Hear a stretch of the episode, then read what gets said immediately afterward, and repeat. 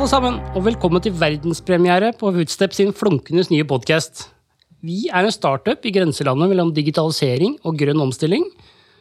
Og nå skal vi prøve ut nye formater for å nå publikum.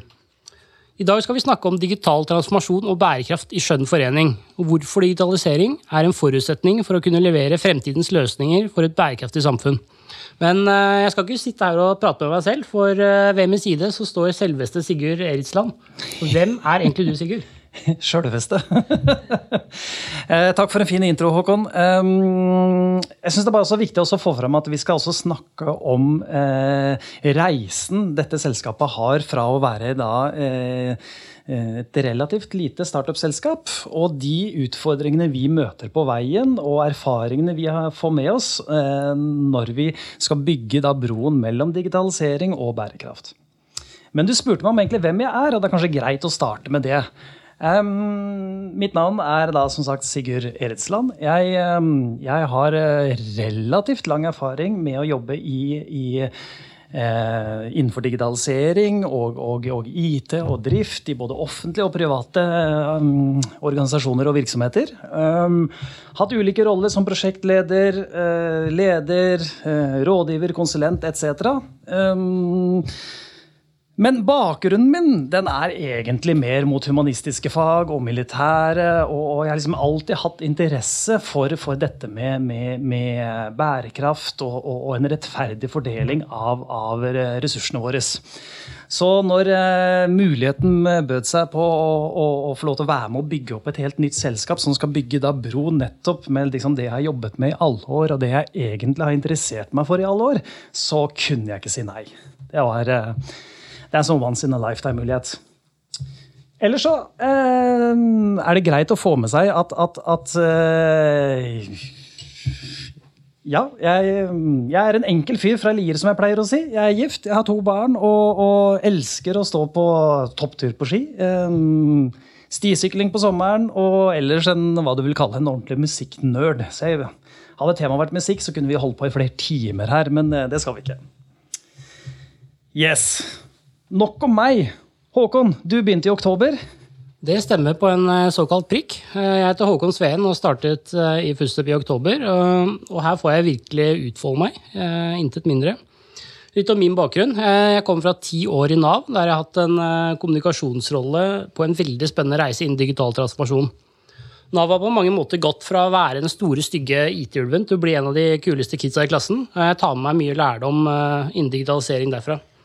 Når det gjelder det grønne perspektivet, eh, som er en viktig del av Footstep, så har det først og fremst vært noe jeg har brent for, men ikke fått mulighet til å jobbe med før nå.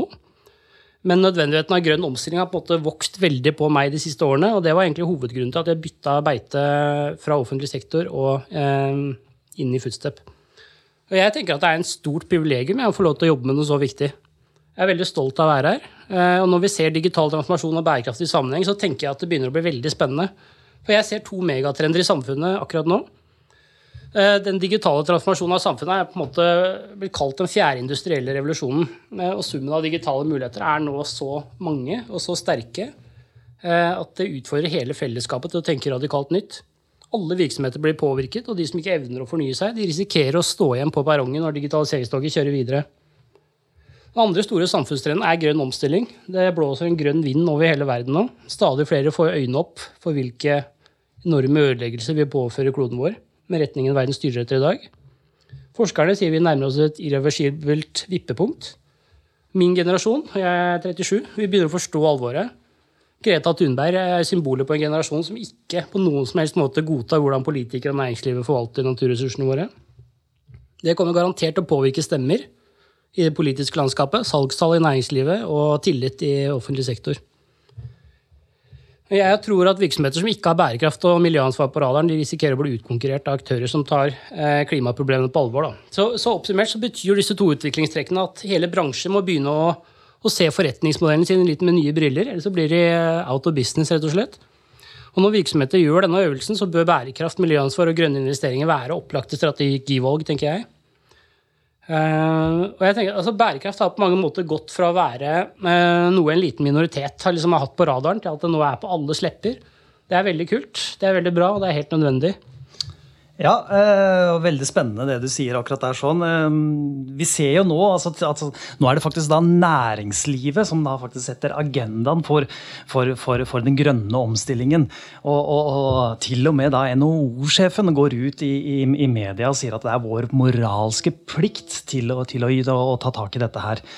Eh, så det tenker jeg, da, da er lista satt, og da må vi andre følge etter. Yes. Men Håkon, hvis kan jo høres ut som vi sitter her aleine og, og, og, bare tuller. Ja, eh, nei, vi gjør ikke det. Vi har med oss eh, to gjester til, faktisk. Eh, og surprise, surprise, de er også fra Footstep. Eh, Erik og Katrine, velkommen skal dere være. Tusen takk. Takk, takk. Yes. aller først til deg, Erik. Eh, fra eh, grønne Costa Rica til grønne anskaffelser. Her er det noen du må forklare, altså. ja, dette med Costa Rica det henger jo sånn sammen at uh, i fjor så dro jeg med familien min uh, på en uh, ekspedisjon til det grønne Costa Rica. Og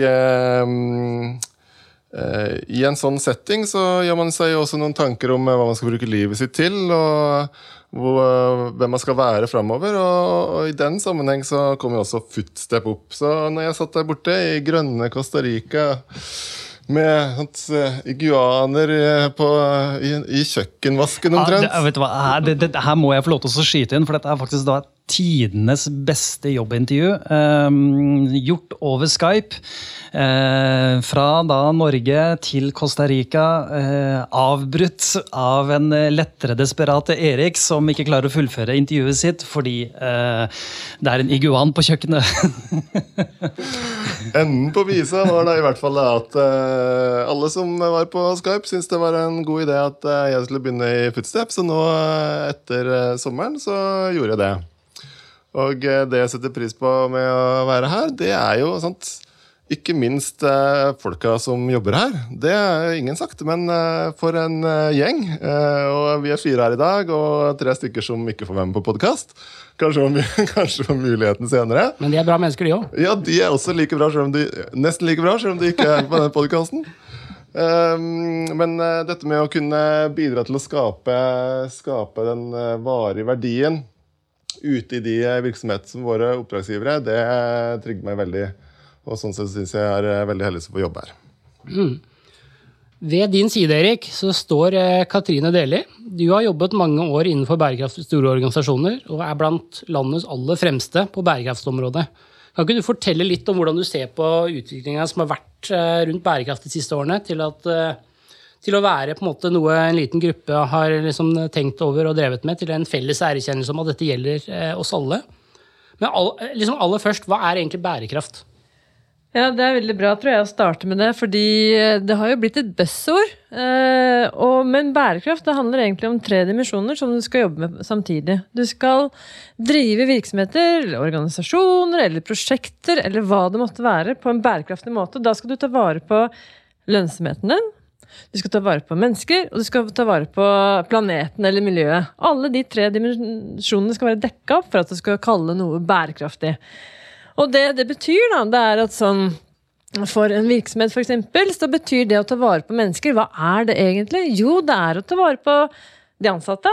Det er folka i leverandørkjeden, det kan være kundene dine, det kan være andre interessenter. Og på miljø så er det jo kanskje det vi vet enda mer om, at det kan være å redusere utslippene dine, det kan være redusere forbruk av kjem kjemikalier, vann, avfall og de bitene der. Og de tre tingene der, altså du kan ikke ta vare på mennesker og miljø uten å ha lønnsomhet, men vi tror også at du klarer ikke å ha lønnsomhet uten å ta vare på mennesker og miljø. Så de tre tingene der, det er bærekraft. Bottom line. Mm. Du har en veldig spennende karriere bak deg, eh, og så begynte du i Footstep. Hvorfor, ja. hvorfor gjorde du det? Du, jeg begynte i Footstep. Altså, jeg har jobbet uh, i ulike store selskaper med bærekraft. Egentlig så starta jeg å jobbe som produktutvikler. Men så da at er det noe som skaper innovasjon og nye løsninger, så er det å ta på deg bærekraftbrillene. Eller kanskje da spesielt miljøbrillene. Fordi du ser helt nye løsninger når du tar på deg de brillene. Når du ser på nye brukere, nye beskrankninger, uh, nye rammer for hva du kan ta fram. Så jeg syns det var utrolig kult å bruke miljø som en trigger for innovasjon. Eh, og jobba med det i Haag, med produktutvikling der, før jeg gikk til Ikea. Var miljøsjef der. Og så har jeg vært veldig mange år som bærekraftansvarlig i Nordic Choice, hotellkjeden. Men eh, det er jo sånn, altså, det hadde jo Jeg har hatt drømmejobber over hele fjæra, og det var det også i Choice. Eh, men når du har drømmejobben lenge nok, så er det kanskje på tide å gjøre noe nytt allikevel. Og jeg syns at uh, den erfaringen jeg hadde, jeg hadde veldig lyst til å bruke den til å hjelpe enda flere selskap til å jobbe med bærekraft. Og tenkte at når jeg har stått så mye ned i nitty-gritty, implementering av ulike tiltak, men også jobba strategisk, så er det gull å få lov til å ta med meg den kompetansen og også det andre. Mm. Men Åssen har uh, møtet med konsulentbransjen egentlig vært? Jeg syns det har vært kjempeartig. Jeg har skjønt at jeg liker å selge. så jeg syns det har vært ganske artig. Det er jo en veldig forskjell, da, fordi at uh, nå jobber jeg kanskje enda mer faglig og nesten bare strategisk. Før så jobbet jeg jo veldig mye med implementering også. Men jeg må si timingen har vært bra. Har vært, uh, hadde jeg gjort dette for ti år siden, så tror jeg jeg hadde skal jobba veldig mye mer og mye hardere for å få til salg på bærekraftstjenester. Men nå er tida moden. Det er mange som måtte jobbe med å digitalisere virksomheten sin, og det er mange som begynner å måte, få øynene opp for uh, bærekraft. Men uh, å se det i sammenheng, det er ikke så mange som gjør. Er uh, markedet moden for det nå, tenker du? Ja, det tror jeg det er. Jeg, så nå, bærekraft kommer ifra så veldig mange hold. Og det er det samme som uh, digitalisering gjør. Jeg tror at Hvis ikke du klarer å merge det, se de to store tinga, så tror jeg det faller ut veldig fort, sånn økonomisk også. Og, men det som er kult, at det, som jeg sa, det kommer fra mange hold. det Uh, det er veldig mange grunner til. Det er ikke bare miljø som gjør at du må jobbe med bærekraft. Det er mange årsaker til det. Det kan være lovreguleringer, det kan være forventninger kundene dine, fra kundene dine. Og det samme med digitalisering. Det er effektiviseringsbehov, det er nye løsninger. Så det er liksom veldig mange ting som gjør at det pusher seg frem nye løsninger og et behov for å jobbe med det. Ja, så jeg tror. Bra timing. Yes, og Vi ser jo også det i, i, eh, det som skjer i både eh, organisasjoner og media. Forrige uke så hadde jo eh, Difi innspillsmøte for sin handlingsplan for grønne anskaffelser. Eh, bare dagen etterpå så la Etikkinformasjonsutvalget da fram sitt eh, lovforslag som vil eh, på, eh, pålegge alle virksomheter at de har en åpenhet rundt alle, altså hele sin leverandørkjede. De, de har en kunnskapsplikt, og de må gjøre aktsomhetsvurderinger. Eh, hvordan tror dere dette vil påvirke eh, virksomheter og det offentlige? Jeg tror det, altså det er veldig mange virksomheter som allerede i dag er ganske gode på å ha f.eks. åpenhet om leverandørkjedene sine. Og ha gode aktsomhetsvurderinger. Altså de vet hvordan uh, egen virksomhet påvirker miljø og klima. Uh, og sosiale forhold. Men jeg tror det er noe med å si at alle må ha det.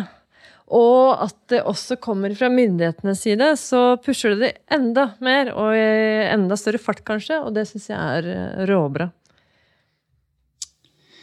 Yes. Um, det ble stille fra deg, Erik, så jeg tror vi skal dra inn deg nå. Uh, du var jo faktisk da til stede under eh, Difi sin uh, innspillsrunde for grønne og innovative anskaffelser. Og Hva kan du rapportere derfra? Ja, jeg var faktisk fysisk til stede på dette møtet. Det, jeg har jo uh, tidligere, og nå også for så vidt, jobba mye med innkjøp, anskaffelser, kontrakt og leverandører.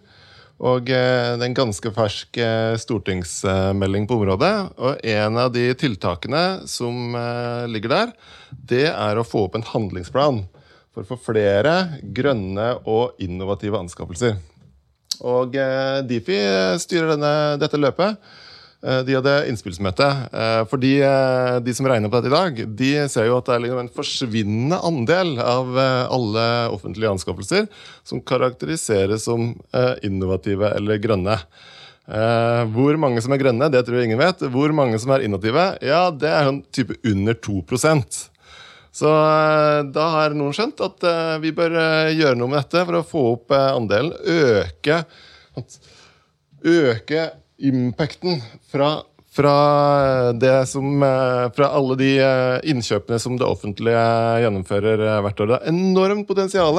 Tenk det 500, over 500 milliarder kroner i året. Sant? bruker det offentlige Norge på varer og tjenester fra leverandører. Han Tenk hvilken påvirkningskraft som ligger der. Og det skal vi utnytte også når det gjelder grønn og grønne og innovative anskaffelser. Um, de snakka jo om grønne innovative eh, det er jo en god del gode eksempler på dette. Eh, det som skjer fort når man begynner å snakke grønne anskaffelser, er at man begynner å snakke sånn, veldig mye sånn eh, på kollektivområdet. På grønne busser, elektriske busser, ferger. Det er det mye snakk om. sant? Fylkeskommunene de har gjort en kjempegod jobb med å insentivere markedet til å levere elektriske ferger. Så alt det er bra, da. Men uh, det som uh, jeg sitter igjen med fra det møtet, er at vi ikke må gå i den fella. At vi på en måte bare må fortsette å snakke om grønne anskaffelser på den måten. At det er liksom de veldig sånn konkrete tingene som er veldig lett å skjønne at vi kan gjøre grønne. Vi må tenke på tvers av alle de 500 milliardene. Hvordan kan vi få uh, grønne og innovative anskaffelser? Og det som flere av oss jobber mye med, det er jo eh, innenfor eh, digitaliseringsområdet. Og eh, historisk, når vi snakker grønne anskaffelser på IT, så var det Hva er det, Håkon, f.eks.? Jeg tenker datamaskiner, mobiltelefoner og. Nemlig. sant? Tenker ok, resirkulering av dingser. Og det er jo fint, ingenting i veien med resirkulering av dingser, men det vi trenger, er å få eh, varig verdi og bærekraft inn i også tjenesteleveransene. Så um, hvordan skal vi få til det? Det skal vi komme litt tilbake til. Katrine skal snakke litt om en, en modell som vi holder på å mekke på. Uh, men eh, det handler for meg veldig mye om uh, varig verdi. Uh, det um, Jeg må bare si én ting til fra det innspillsmøtet. der var han miljøministeren, han Elvestuen, han var der. Og så uh, sa han Han var litt dårlig forberedt, men det han sa, da Det, det han sa, var at uh, vi må ha en um, uh, Vi må heve terskelen for når vi river et bygg. Vi må bygge bygg, bygninger som tåler mer, og så må vi pusse opp de vi har, i stedet for å bygge nye. Den tanken der hvis du henger med i denne podkasten, så skal vi utvide den til å gjelde også for IT-tjenester. Veldig bra. Veldig bra. Um, men tilbake til eh, Etikkinformasjonsutvalget og lovforslaget om uh, aktsomhetsvurderinger. Hva er dette, og hvordan skal man gjøre det?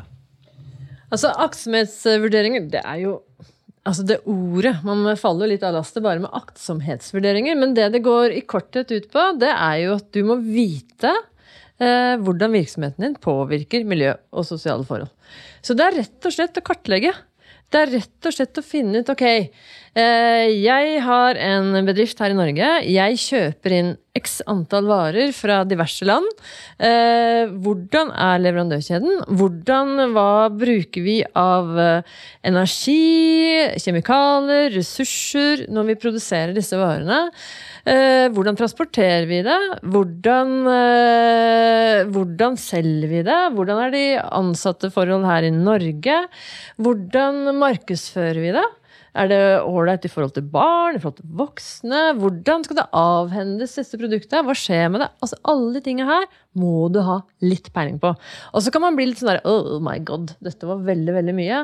Men er, du må bare begynne et sted. Bare begynne å se ok, jeg importerer 1000 varer prøv å tenke da, hva er de viktigste varene mine, og hvor, hvordan påvirker de mest, antageligvis. Du trenger ikke å gå på alle tusen, men du må bare starte et sted. Så aksemessvurderinger, i kortet så går det bare på å forstå hvordan påvirker du folka der ute, folka som du ansett, har ansatt, og hvordan påvirker du miljøet. Så det er en aksemessvurdering. Og det finnes jo mange rammeverk man kan bruke for å kartlegge det. Eh, men de er ofte litt vanskelig tilgjengelige, men det finnes måter man kan jobbe med det på. Mm. Mm. Og dere er her bl.a. for å presentere og fortelle litt om en, eh, en, en, modell som dere jobber med. Ja, for det vi, det vi Altså, vi vil jo veldig gjerne hjelpe kunder, da. Mm. Eller virksomheten med å få til det her. Altså, og da er det to ting. Og det er, altså den tradisjonelle måten som man da har jobbet med miljø og sosiale forhold på, er jo nettopp at du har sett, prøvd og ikke sant? Du ser hvordan påvirker vi, og så sier man oi sann, vi bruker kanskje litt mye energi på, i dette bygget, vi må prøve å redusere det. Og så setter man seg noen mål, og så reduserer man litt år for år, og så rapporterer man. Det er sånn den vanlige måten å gjøre det på. Det er aktsomhetsbiten.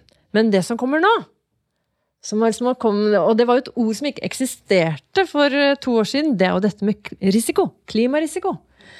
Så det vi prøver å gjøre, da, er å se disse to tingene i sammenheng. Så vi prøver å si ok, du må gjøre to ting. Du er nødt til å ha kontroll på hvordan virksomheten din påvirker miljø og sosiale forhold. Men du er også nødt til å vite hvordan klima, miljø og sosiale forhold påvirker deg. For før så kunne vi liksom bare dure på og man hadde rimelig kontroll hele tiden. Jo, man visste at man kom til å få tak i den råvaren, og man visste at uh, været var sånn cirka som i fjor. Men nå så begynner det å skje endringer. Man får kanskje ikke produsert den råvaren fordi det er tørke. Det er uh, råte, det er storm, bilen kommer ikke fram. Altså det begynner å skje sånne ting som gjør at du, du er nødt til å vite dette også. Så vi hjelper da både med aktsomhetsbiten og den eh, risikovurderingsbiten. Da. For det vi ser, er jo at eh, hvis du skal låne penger, f.eks., så har jo bankene begynt nå å si at ok, skal du få lov til å låne penger av oss, så må vi vite at du har en business som er her også i morgen. Og hvis du skal ha en business som er der i morgen, så må du vite hvordan du blir påvirka. For du kan ikke eh, legge opp til et løp hvor du skal selge en, rå, selge en, vare som er produsert med en råvare, råvare som kanskje ikke Eh, kommer til å bli, produ bli produsert pga. klima. Eh, så det vi gjør, er da aktsomhet, og så ser vi på risiko. Så det vi gjør, er å lage en risikoanalyse. Og så har vi da innført dette med stresstest. Vi stresstester selskapene på liksom ok, dette er den risikoen som kommer til å hit you down the road. Hvordan er selskapet ditt ratta for å håndtere den risikoen? For det er klart at eh, Driver du en hotellkjede, f.eks., og du bygger alle hotellene dine eh, en halvmeter fra vannkanten i en elv som kanskje eh, plutselig begynner å få flom, eller noe sånt, så tenker vi at det er kanskje ikke så veldig lurt. Så det er sånne ting. Det er det som går på stresstest, og hvor robust det er til å håndtere det. Så vi ser da på de tingene og forsøker å sette det opp det i en modell. Så men innenfor et klassisk digitaliseringsprosjekt, hvordan vil dere si, eh, hvordan angår det, eh, dette digitalisering? Ja, veldig godt eh, spørsmål, Sigurd. Det har vi jobba en del med å forstå sjøl også. For igjen, det er ganske enkelt å relatere seg til dette når du snakker om hoteller i vannkanten. Skjønner alle at det er en risiko som kan treffe der. Men eh, vi har, eh, vi har, prøvd å se begge disse dimensjonene. Eh, både hvordan det du gjør, og din virksomhet, påvirker forholdene rundt deg, mennesker og miljø. Og hvordan dette treffer deg. Hans. Også når vi snakker digitalisering. Hans. Og det første, første elementet, sant? Dette som Katrine bruker vanskelig ord og sier aktsomhetsvurdering. Det handler om å skape varig verdi. Det handler om å eh, skape et eh, fotavtrykk som er eh, bra eller minst mulig dårlig. Og dette tar vi også inn når vi snakker digitalisering. At de leveransene der Og husk nå, bærekraft er et utvida begrep. Det er ikke bare miljø, det lærte vi i stad så eh, er det ikke så vanskelig å trekke den parallellen eh, likevel, plutselig. plutselig. For da skjønner du at du må bygge også IT-tjenester og IT-løsninger, så typisk digitaliseringsprosjekter, på en måte som har en god påvirkning på menneskene og miljøet som omgir det. Og det andre perspektivet det handler om robusthet i leveransene. Eh, dette med, dette med eh, at vi må bygge hus som eh, varer lenge, og som tåler en trøkk, og som ikke står i veikanten. Det handler om at vi bygger robuste leveranser. Det betyr at vi må stille også krav til hvordan vi bygger dette huset, som gjør at vi ikke må pusse det opp etter hvor mange år siden var det PwC-bygget ble bygd? Elleve år, et eller annet sånt. Så må de pusse det opp igjen. Eh, og det samme gjelder for eh, digitaliseringsløsninger og prosjekter, tenker jeg. At vi ikke skal pusse opp At eh, vi, at, vi ikke skal, at, vi ikke, at vi ikke skal lage noe som bare varer kort tid.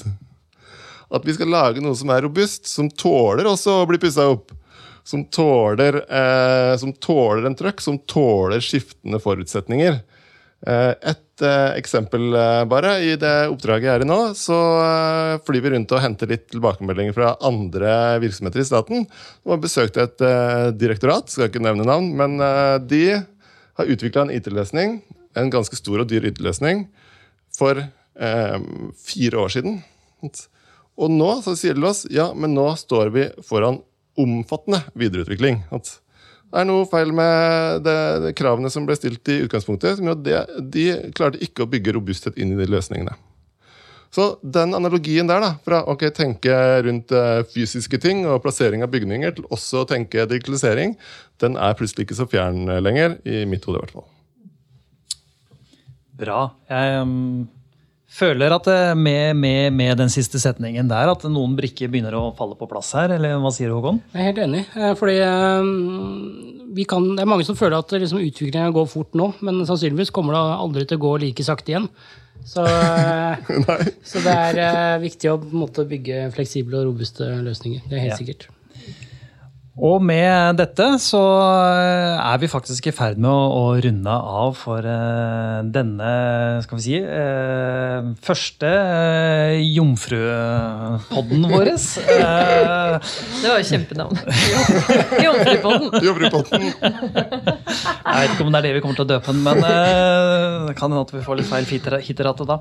Men vi har jo noen tanker på hvordan vi skal dra dette her videre fremover. Eh, mange spennende gjester å trekke fram. Det er mange som har mye bra å si i, i, i forhold til eh, en, en bærekraftig utvikling innenfor eh, det digitale. Um, så så, så vi, vi, um, vi jobber på å se hva vi får til framover. Men um, hvis det er noen lyttere nå som lurer liksom på, på det, det, det er aksemessvurdering, ja, eh, risikoanalyser, det, det eh, burde vi ta tak i. Hvor, hvor, hvor, hvor starter de? De, altså, den mest opplagte løsningen er jo å gå inn på footstep.no og ta kontakt med oss. Den, den andre løsningen, det er eh, Hvis man ikke har jobbet med det i det hele tatt, så tror jeg man må prøve å se til de andre i bransjen. Hva har de andre tilsvarende Altså de andre aktørene i bransjen gjort? Kan man begynne å høre liksom hva Øy, gå inn på nettsiden deres, sjekke hva, hvilke tiltak har de rapportert på, hvordan gjør de det, hvilke hva de har fokus på? Kanskje du må ha fokus på det samme. Og så er det veldig mange seminarer, konferanser og nettverk. Eh, se til det. Kanskje være med på et eller annet. Ta kontakt. Det kan godt hende eh, det er en bransjeorganisasjon som har fokus på det her, så gå dit. Eh, Jeg tror det kanskje er den eh, enkleste starten. Men altså, vi er bare en eh, telefonnummer unna, da, en telefon unna, så vi kan hjelpe til. Bra. Og med det så fikk du siste ordet, Katrine. Tusen takk. Takk for i dag. Takk til dere. Takk.